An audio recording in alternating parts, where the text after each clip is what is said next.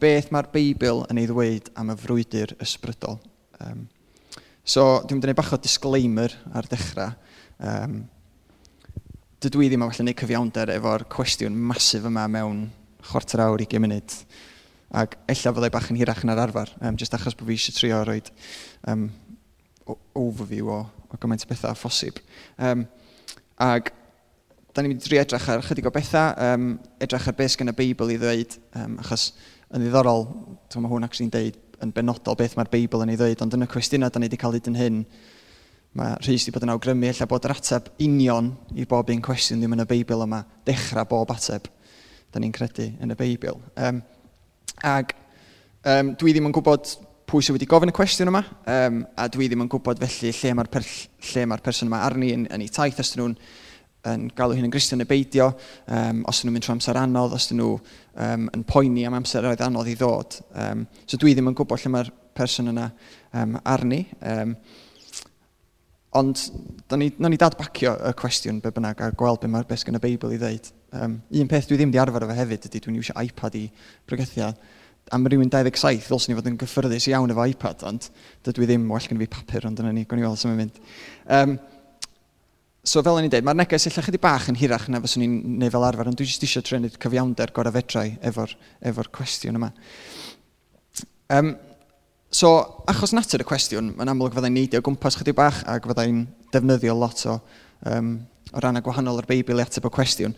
Ond dwi yn meddwl bod y wastad yn ddefnyddiol defnyddio fel un testyn penodol i, i fatha gwreiddio ni, mae'n neud o'n haws i fi be bynnag. Um, so, dwi di, y, y testyn da ni wedi dewis, o, dwi wedi dewis i ddarllen ohono fe heno, ydy effesiaid 6 ac adnodau 10 i 20. So, fydd o'n rhan reit gyfarwydd i lot o bobl, dwi'n siŵr, y sôn am arfwisg ddiw.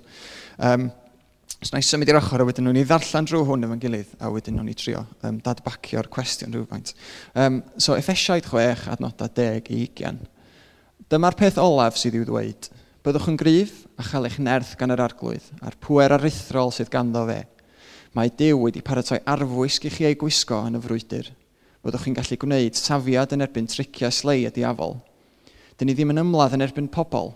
Mae'n brwydr ni yn erbyn y bodau ysbrydol sy'n llywodraethu, sef yr awdurdodau a'r pwerau tywyll sy'n rheoli'r byd yma. Y fyddin ysbrydol ddrwg yn y byd nefol.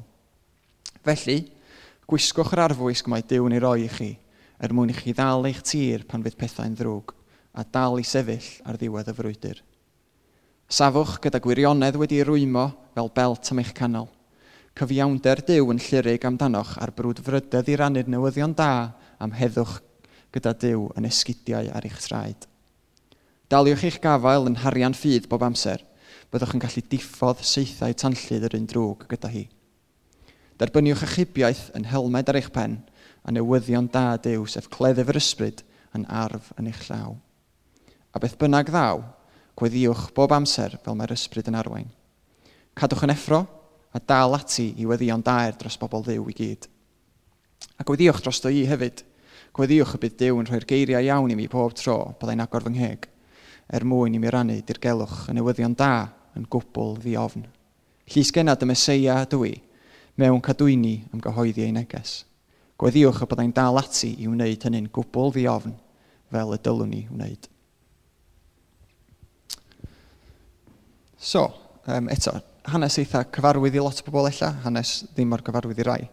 Um, a fel ni'n dweud, mae hwn yn gwestiwn reit mawr, ond dwi'n mynd i, da ni'n mynd i trio sbio beth gan y Beibl i ddeud, a da ni'n mynd i gofyn fatha tri cwestiwn o fewn y cwestiwn mwy, um, really, i trio ia, dadbacio pethau, gweld, um, gweld beth sy'n y Beibl i ddeud. So yn gyntaf, cwestiwn da ni'n mynd i ofyn ydy, oes yna frwydr? Dyna ydy'r cwestiwn cyntaf.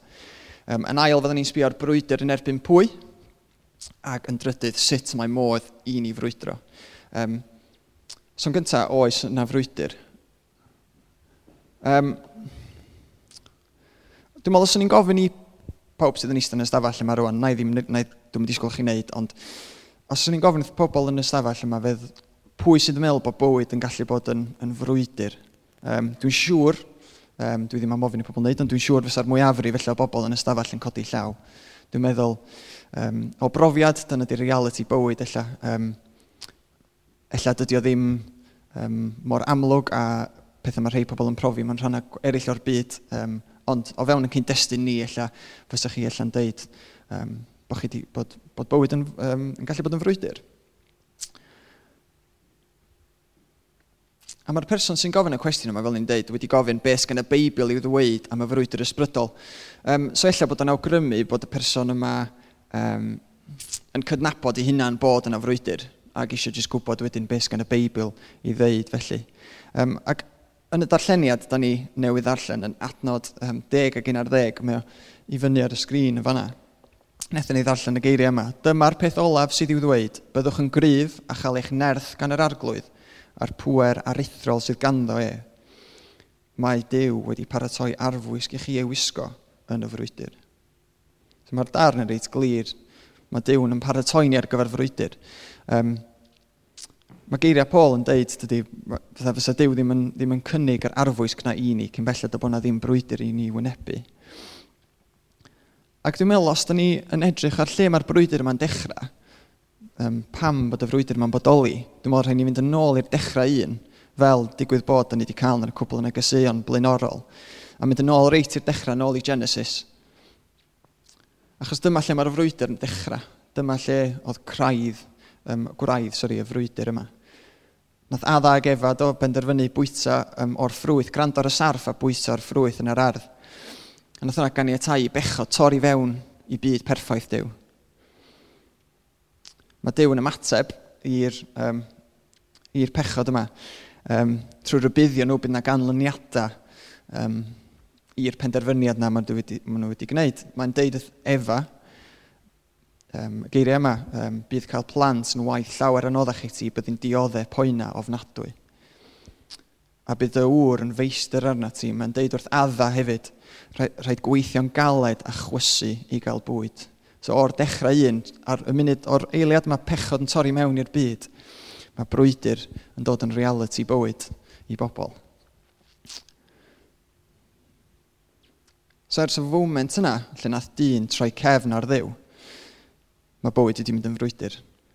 Ond mae'n bwysig, dydy, sylwi'n fanna, dydy yr bywyd yma o fod, bod bywyd yn frwydr ddim yn rhan o gynllun gwreiddiol Dyw. Dim dyna sydd oedd Dyw wedi dylunio pethau i fod. Dim dyna, that wasn't the plan, lle penderf dyn yn pechu nath, nath achosi i bywyd fod yn anodd. Ac trwy gydol, um, hanes y Beibl wedyn, da ni'n gweld ydan bod pobl dew yn, yn dioddau, um, pobl dew yn cael ei gormesu.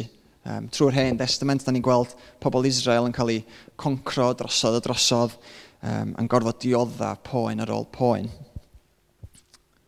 Mae'n hawdd efallai gweld y frwydr yn y cyfnod yr hen testament achos mae'n llythrenol brwydra llythrenol, fatha brwydra amlwg rhwng um, carfanna, felly gwahanol. Um, Ac mae yna ma, na, um, just adnod allan o Deuteronomium 20, adnod 4, mae'n dweud mae'r arglwydd eich dew yn mynd chi, gyda chi i ymladd yn erbyn eich gylynion a'ch helpu chi ennill y frwydr. So geiriau Moses i bobl Israel yn fanna. Mae'r brwydr yn, yn reality llythrenol yn y cyfnod yna hefyd mae yna hanesion cyfarwydd eraill, dwi'n siŵr, i bobl, um, pobl fel y Brenin Dafydd, Job. Um, dwi'n meddwl, bys fan hawdd, dwi'n meddwl bod o ddigon teg i ni sbio'r bywyd Job a dweud, oedd Job di gwynebu chydig o frwydra, dwi'n meddwl doedd. Dwi'n meddwl bod o ddigon rhesymol.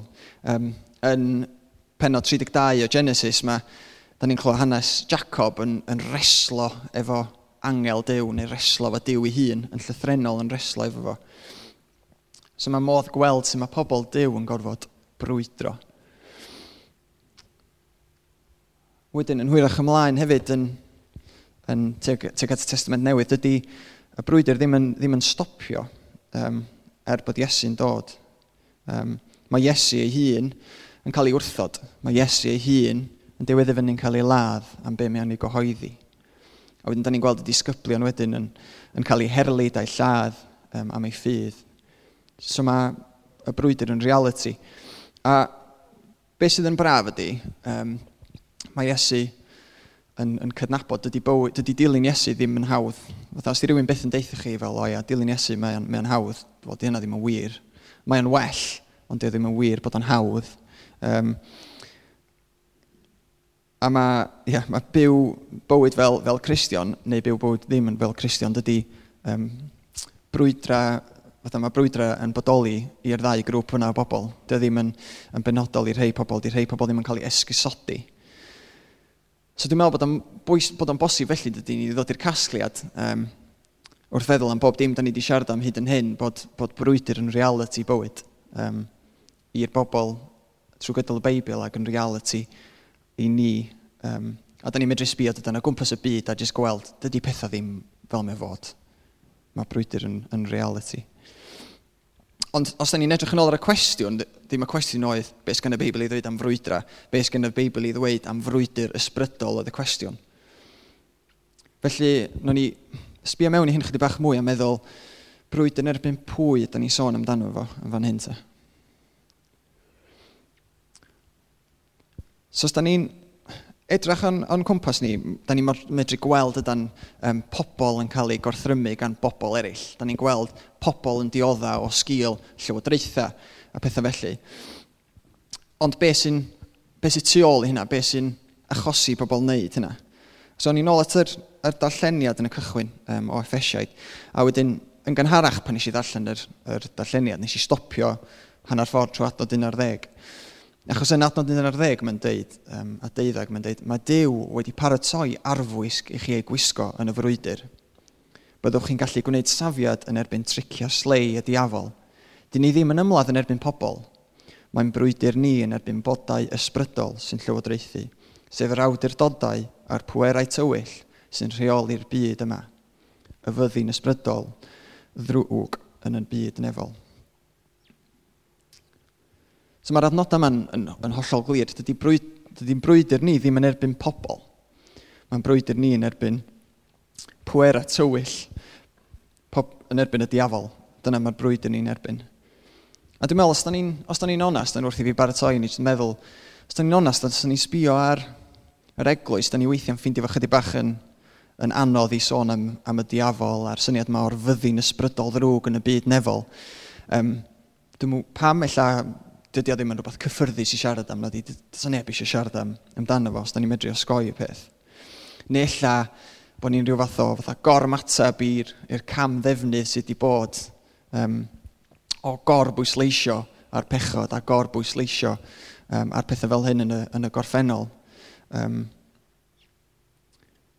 ac dyna mae lot o bobl yn meddwl am, um, am Cresnogion ac yn anffodus yn aml iawn fatha pan ydych chi'n clywed am fatha Cresnogion yn, yn newyddion yn aml iawn, mae bob tro pobl sydd yn fatha yn beirniadu pobl eraill neu'n bod yn bod yn horrible, basically. Uh, dyna di'r mentality sgan lot o bobl teg at Cresnogion yn anffodus.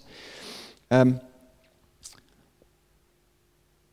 Ella dwi'n meddwl trwy gor bwysleisio um, ar bechod a pa mor drwg da ni a, am, y, am y pwerau drwg yma, da ni'n cymryd yn sylw weithiau um, oddi ar Iesu. Ond dwi'n meddwl mae gennym ni gyfrifoldeb i, i fod yn onest efo ni'n hun ac dweud mae hwn yn reality fel oedden ni'n sôn. Da ni newydd dreulio deg munud yn sôn am sut mae brwydra yn reality. Ac mae'r ma, Beibl yn glir pwy sy'n tu ôl i'r brwydra yna. Mae'n ma glir pwy sy'n tu ôl i'r brwydra. Jyst chydig o adnodau wedyn neidio gwmpas chydig bach. Um, yr adnod yma yn adnod enwog allan o Iwan 10.10, mae ar fanna. Wel, mae ail hanner yr adnod yn fanna i ni. Um, Mae'r lleidr yn dod gyda'r bwriad o ddwy'n lladd a dinistrio. Dwi wedi dod i roi bywyd i bobl a hwnnw'n fywyd ar ei orau. Dwi'n meddwl fysa fo cweit mor catchy os fysa'r bit cyntaf ar yr poster hefyd, so syniad da. Um, so mae'r Mae'n deud yn fanna, mae'r ma, r, ma, diafol, mae'r lleidr yn dod i ddinistrio. Dyna di pwrpas o. Da ni'n gweld yda'n yn ôl ar y dechrau bod y sarf yn twyllo adda ac efa. A wedyn hynna di caniatau wedyn i becho torri fewn i'r byd. A wedyn mae yna gymaint o, o lefydd eraill maen nhw fyny ar y sgrin efo yna. Um, bod y diafol, mae'n sôn yn, yn, yn datgyddiad, yn twyllo'r byd i gyd. Yn Iwan 12, mae'n cyfeiriad Satan fel tywysog y byd hwn. Bellach ymlaen, Mae'ch gelyn chi a diafol yn prowla gwmpas fel llew yn rhio ac yn edrych am rywun i'w lyncu.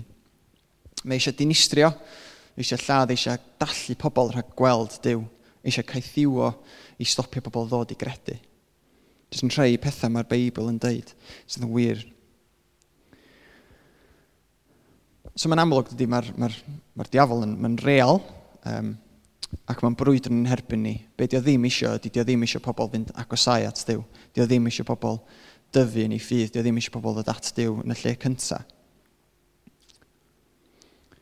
Ac rhywbeth sydd wedi taro fi dros ylla'r chydig um, wythnosau dwytha wrth, wrth feddwl chydig bach am y testyn yma di, weithiau mae o'n bosib um, just meddwl am y diafol yn gweithio mewn ffordd amlwg lle da ni'n mynd trwy pethau profiadau rili, really, rili, really, rili really mawr. Um, Ond weithiau mae hyd yn oed pethau bach fel unrhyw beth sy'n tynnu'n sylw ni oddi ar Iesu'n gallu stopio ni rhag tyfu. Um, dwi'n ganol, dwi'n dwi, trio darllen chydig bach mwy, dwi'n meddwl ni'n dda iawn am darllen, ond dwi'n trio darllen chydig mwy. Ac dwi'n ganol ail darllen Screwtape Letters gan C.S. Lewis. Um, os ydy rhywun heb di darllen o, dwi'n awgrymu fo, mae'n mae dda iawn. Mae hyd yn, dwi hyd yn oed yn gallu darllen o, so mae hwnna'n yn dda, ia, mae lower roi thumbs up. Um, ac y syniad yn yr, yn yr, yn yr, um, yn y llyfr yma ydy, rhyw fath o llythyrau ydi o rhwng y, di, so, rhwng y demon ma o'r enw um, Screwtape efo i nai um, wormwood a dysgu fo sydd wedi tricio pobl, dysgu fo sydd wedi i os, achosi person fatha troi cefn ar ddiw a troi, achosi person cerdd i ffwrdd ar ddiw. Ac mae, mae o'n chydig bach yn, yn light-hearted, ond ydy'r syniad yma, da chi'n gallu gweld sut mae, dwi'n dwi, darllen o, dwi'n gweld sut dwi'n cael yn tynnu'n sylw i mor hawdd oddi wrth ddiw ac oddi ar Iesu, a sy'n mae hwnna wedyn yn, yn golygu dwi'n cerdded i ffwrdd oddi ar Iesu mor mor hawdd. Ond yn y pwynt dwi'n dwi, n, dwi n cyfeirio ar fyma, di weithiau mae'r diafol, weithiau mae'r pwerau drwg yma yn hapus efo ni jyst yn, yn, just, yn aros lleta ni yn bod yn, yn, lli, yn lligoer, ia. Um, a'r tueddiad o setlo am, am fywyd hawdd. Achos yn y bywyd hawdd yna, da ni ddim yn cael ein adeiladu fyny, da ni ddim yn tyfu So, so far, mae wedi bod yn hard work y pregath yma, di. So, ymddiheirio am hynna. Um, ond, da ni eisiau symud ymlaen rwan i meddwl am sut mae modd i ni frwydro felly. Um, so, da ni wedi gweld erbyn hyn, dydan, bod mae'r frwydr ysbrydol mewn, mewn reality, mae'r Beibl yn glir bod y frwydr um, yn erbyn y diafol a pwera tywyll y byd. Dwi'n meddwl bod o'n bos, da ni'n medru felly dod i'r casgliad, wel, os di o'n frwydr ysbrydol a mae'n erbyn yr pwerau ysbrydol yma, Wel, da ni ddim yn mynd i allu ennill ar yn pennau'n hunain. Diolch yn bosib. Mae'n rhaid i ni gael nerth ar ôl arall, mae di ni gael nerth ysbrydol ar ein ochr ni hefyd. Mae Dyw yn, yn, yn, yn deud i hun bod yna frwydr achos pam arall fysa fo'n paratoi arfwys gen i os bys yna ddim brwydr. A fel y ddallenon ni yn, yn, yn penod chwech um, o effesiaid, um, mae'n arfogi ni ar gyfer y frwydr yna yn anffodus, dwi ddim efo'r amser i fatha mynd i fewn yn fanwl i'r um, i bob un agwedd o'r arfwys gynnan, swn ni'n annog pobl i wneud ar ôl chi'n mynd adre. Ar gyfer unrhyw frwydr mae rhaid i ni baratoi yn does. Um, digwydd bod, ar ôl i fi ddeud wrth Rhys be oedd y testyn o'n i'n mynd, mynd i ddewis. Um, nath o'r link ar gyfer blog sydd wedi bod uh, yn ddefnyddiol. Ac er, er, ond y peth nes i sylwi fwyaf oedd um, teitl y blog yma, mae'r y sgrin yma. Um, don't bring a plastic spoon to a knife fight. So, bach o tongue in cheek, ond jyst y syniad yma o, dwi pan dwi'n edrych ar y mywyd i, um, a dwi'n meddwl, oh, dwi'n rili really stryglo fy hyn, neu, oh, mae hwn yn anodd, neu, dwi'n mwyn gwybod beth i wneud yn y sefyllfa yma. Dwi'n trio brwydro yn erbyn y pwera cry ysbrydol yma, efo llwy plastig fi. Chwad, Dwi'n dibynnu ar y nerth yn hun yn lle dibynnu ar ddiw. Sam ryfad bod fi'n methu, sam ryfad bod fi yn cael traffaeth, sam ryfad bod fi'n yn teimlo fatha bod fi'n cael yn, yn hitio ac yn, ac yn cnocio lawr drwy'r amser, achos dwi'n dibynnu ar y nerth yn hun. Os yw'r brwydr yn real a mae'r brwydr a mae'r brwydr yn erbyn gelyn sydd yn gryf, mae'r rhaid i ni dderbyn yr arfwys gyma. Yn adnod 14 um, 17. Mae'n deud, um, safwch gyda gwirionedd wedi rhwymo fel belt am eich canol, cyfiawnder dew yn llurig amdanoch, a'r brwd frydedd i rannu'r newyddion da am heddwch gyda dew yn esgidiau ar eich traed. Daliwch eich gafael yn harian ffydd bob amser, byddwch yn gallu diffodd seithau tanllyd yr un drwg gyda hi. Derbyniwch achubiaeth yn helmed ar eich pen, a newyddion da a dew, sef cleddyf yr ysbryd yn arf yn eich llaw. Mae gyd ar gael i ni, um, mond, i ni mond i ni ofyn amdano fo.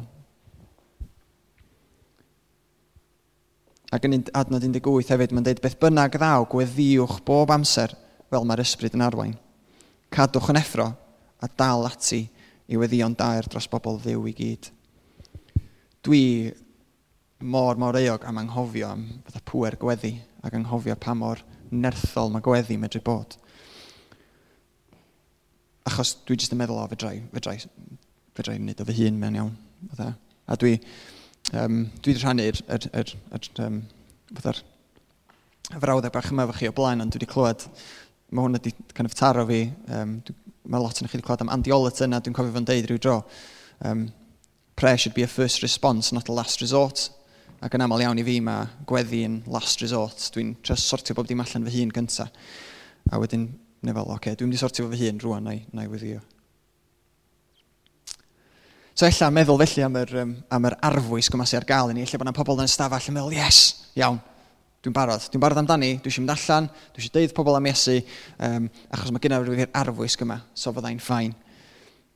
Ond ella bod yna pobl yma, hen yma, um, yn eistedd yma, jyst yn meddwl, mae hwn yn, dwi, dwi'n gwybod dwi'n teimlo fatha bod fi dan ymwysodiad ar hyn o bryd. Um, dwi'n teimlo fatha bod pwysau'r byd i gyd yn, yn disgyn ar ymhenni. i. Dych chi'n teimlo bod chi mewn storm ac dych chi'n y dŵr a dych chi'n suddo at am byd dych chi'n gallu neud. Ac weithiau pan dych chi um, yn y cyfnod yma mewn cyfnod lle dych chi'n teimlo dych chi dan ymosodiad, mae'n ma, hawdd fatha i rywun fel fi sefyll yn y ffrynt a, a rhannu'r geiriau yma ac i'r geiriau jyst mynd dros yn pen ni neu i ni feddwl, oce, okay, mae'n ma gret bod dwi'n gwybod hyn yn fan hyn, ond dwi ddim yn teimlo bod hwn yn wirionedd yn ynghalo ni.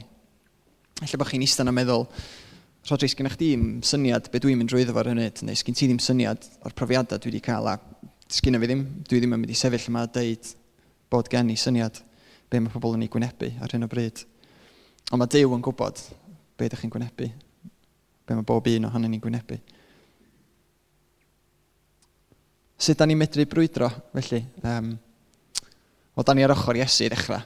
Os da ni'n credu'n Iesu, da ni ar ochr Iesu. Mae Jan yn wwpio fyna. A mae Iesu wedi dod i'r byd, wedi byw bywyd perffaith. Um, just nath, yn yr addoliad bor yma, a dad yn just yn cyfeirio at ffaith bod wedi dod i fewn i'r byd i gwynebu'r un peth ydyn ni'n gwynebu, i cael ei dem, demtio fel dyn ni'n cael yn temtio, di blino um, fel, fel dyn ni'n blino, ond wedi byw bywyd perffaith, a wedi marw yn ein lle ni. Ac last card oedd gen y diafol oedd Iesu'n marw, ond mae Iesu wedi dod yn ôl o fyw. Mae wedi rhwygo'r cerdyn ola oedd gan y diafol i chwarae, a mae Iesu wedi dod yn ôl o fyw wedi, ac yn cynnig buddigoliaeth i bob un ohono ni So, i grynhoi, fel ni'n deud. Sori, neges bach yn drwm, ond mae'n anodd siarad am y testyn yma. Um, heb um, rhannu'r rhai'r stwff da ni wedi rhannu, siarad am heno. Um, cwestiwn felly oedd, doedd, be mae'r Beibl yn ei ddweud am y frwydr ysbrydol. So, yn gyntaf, da ni wedi gweld mae'r frwydr yn real. Um, achos da ni'n byw mewn byd sydd wedi torri. Da ni'n byw mewn byd lle mae, lle mae um, pechod. Da ni'n byw mewn byd fel oedden ni'n clywed gyna, mae'r diafol yn teirnasu yn y byd yma o bechod. Da ni'n gweld bod y frwydr yna yn erbyn y diafol a'r, ar pwerau ysbrydol drwg. A maen nhw'n ma nhw pwerau cry. Maen nhw yn. A maen nhw'n pwerau sy'n trio tynnu ni ffwrdd oddi wrth ddew. Dyna di pwrpas. Dyna mae'n diafol yn trio wneud ydy stopio pobl rhag agosau at ddew, stopio pobl rhag mynd at ddew yn y lle cyntaf. Ond fel da ni wedi gweld, mae Dyw um, yn gaddo'n arfogi ni ar gyfer y frwydr yma.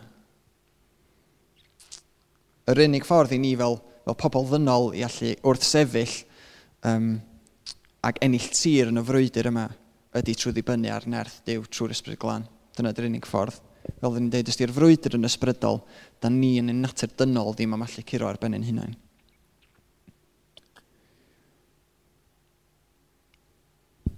a reality, dwi'n meddwl weithiau, um, ydy clywed neges fel yma a meddwl fel yn i dweud, o ia, dwi'n gwybod bod o'n wir, ond mae'n anodd credu hynna pan diolch yn teimlo fel yna. Mae'n ma teimlo fel bod yr, bod yr ymosodiadau yn ennill. Dyna mae'n teimlo fel ar hyn o bryd. Ond dwi'n rili really diolchgar hyn yma achos dydy iachadwriaeth ni ddim yn dibynnu ar sut da ni'n teimlo. A mae hwnna mor, mor mor, mor dda. Mae hwnna'n hwnna lle mor dda i fod. Um, a dwi'n meddwl weithiau, os dwi ddim yn teimlo'r peth ar peth, wel, mae rai bod o ddim yn wir, ond da ni ddim yn mynd i teimlo na bob tro bod ni'n bo ni ennill, da ni'n mynd i teimlo bob tro um, bod ni'n agos at ddiw. Ond mae Dyw yn addo dal gafel arna ni. A gwarchod ni a cerdded efo ni. So beth gan y Beibl i ddweud am y, am bywyd ysbryd, um, am y frwydr ysbrydol? mae'n real, mae'n erbyn pwera nerthol, ond mae Iesu wedi ennill. Mae Iesu um, wedi concro marwolaeth, mae Iesu wedi dod yn ôl yn fyw, mae Iesu'n cynnig gobaith. A mae Dyw ddim yn gadael ni ar ein pen yn hun. Da ni efo'r ysbryd glân sydd yn, yn, yn llenwi ni bob dydd, sydd yn cerdded efo ni, sydd yn arfogi ni. A mae Dyw yn cynnig yr arfwys gyma. Mae'n gwybod bod yna frwydr yn mynd i ddod a mae eisiau pobl sydd yn brwydro dros dy fo. Mae'n mae gwybod bod yna frwydr a mae eisiau paratoi ni ar gyfer y frwydr yna.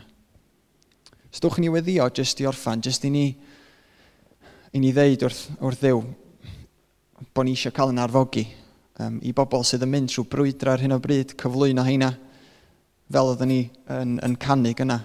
Um, bod ni eisiau roed yn pechoda yn beichia wrth y groes. So nhw'n ni weddio fy'n gilydd cyn i ni ganu um, yr emyn ola. O ddew, dwi'n diolch i ti um, bod chdi wedi ennill.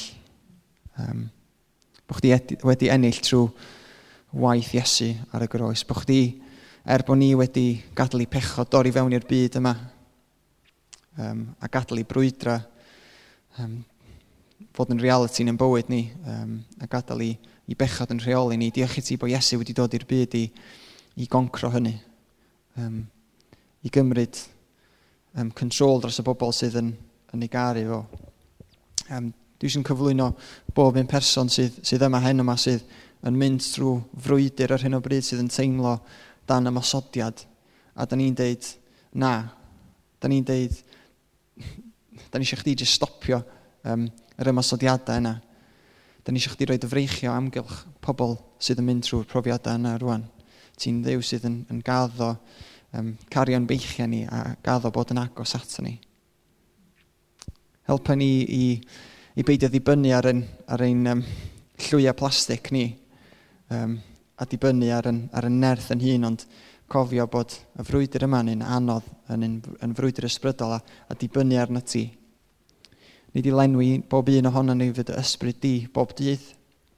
Helpa ni i, i adael y lle yma yn barod i frwydro dros y ti Um, Cos mae mor hawdd um, cymryd cam yn ôl a, a peidio mentro uh, yn ofn y canlyniadau, ond jyst rho'r rho nerth yna, rho'r hyder yna i ni i, i rannu amdano ti. Fel bod chdi'n cael y clod, fel bod y deyrnas di'n ymestyn yn y, yn y dref yma, yr ardal yma. So ia, yeah, bydd gyda ni wrth i fynd o yma, um, gwisga ni efo dy arfwisg di fel bod ni'n barod am y frwydr ti'n galw ni i fynd. So ia, yeah jyst bendithio ni wrth i ni fynd o, yma hen yma, diolch i ti um, am siarad efo ni. Um, a da ni'n gwyddio hyn yn enw Iesu sydd um, wedi concro'r marwolaeth a wedi atgyfodi a wedi um, byw er mwyn rhoi gobaith i bob un ohono ni. Ac yn enw Iesu da ni'n gweddio. Amen.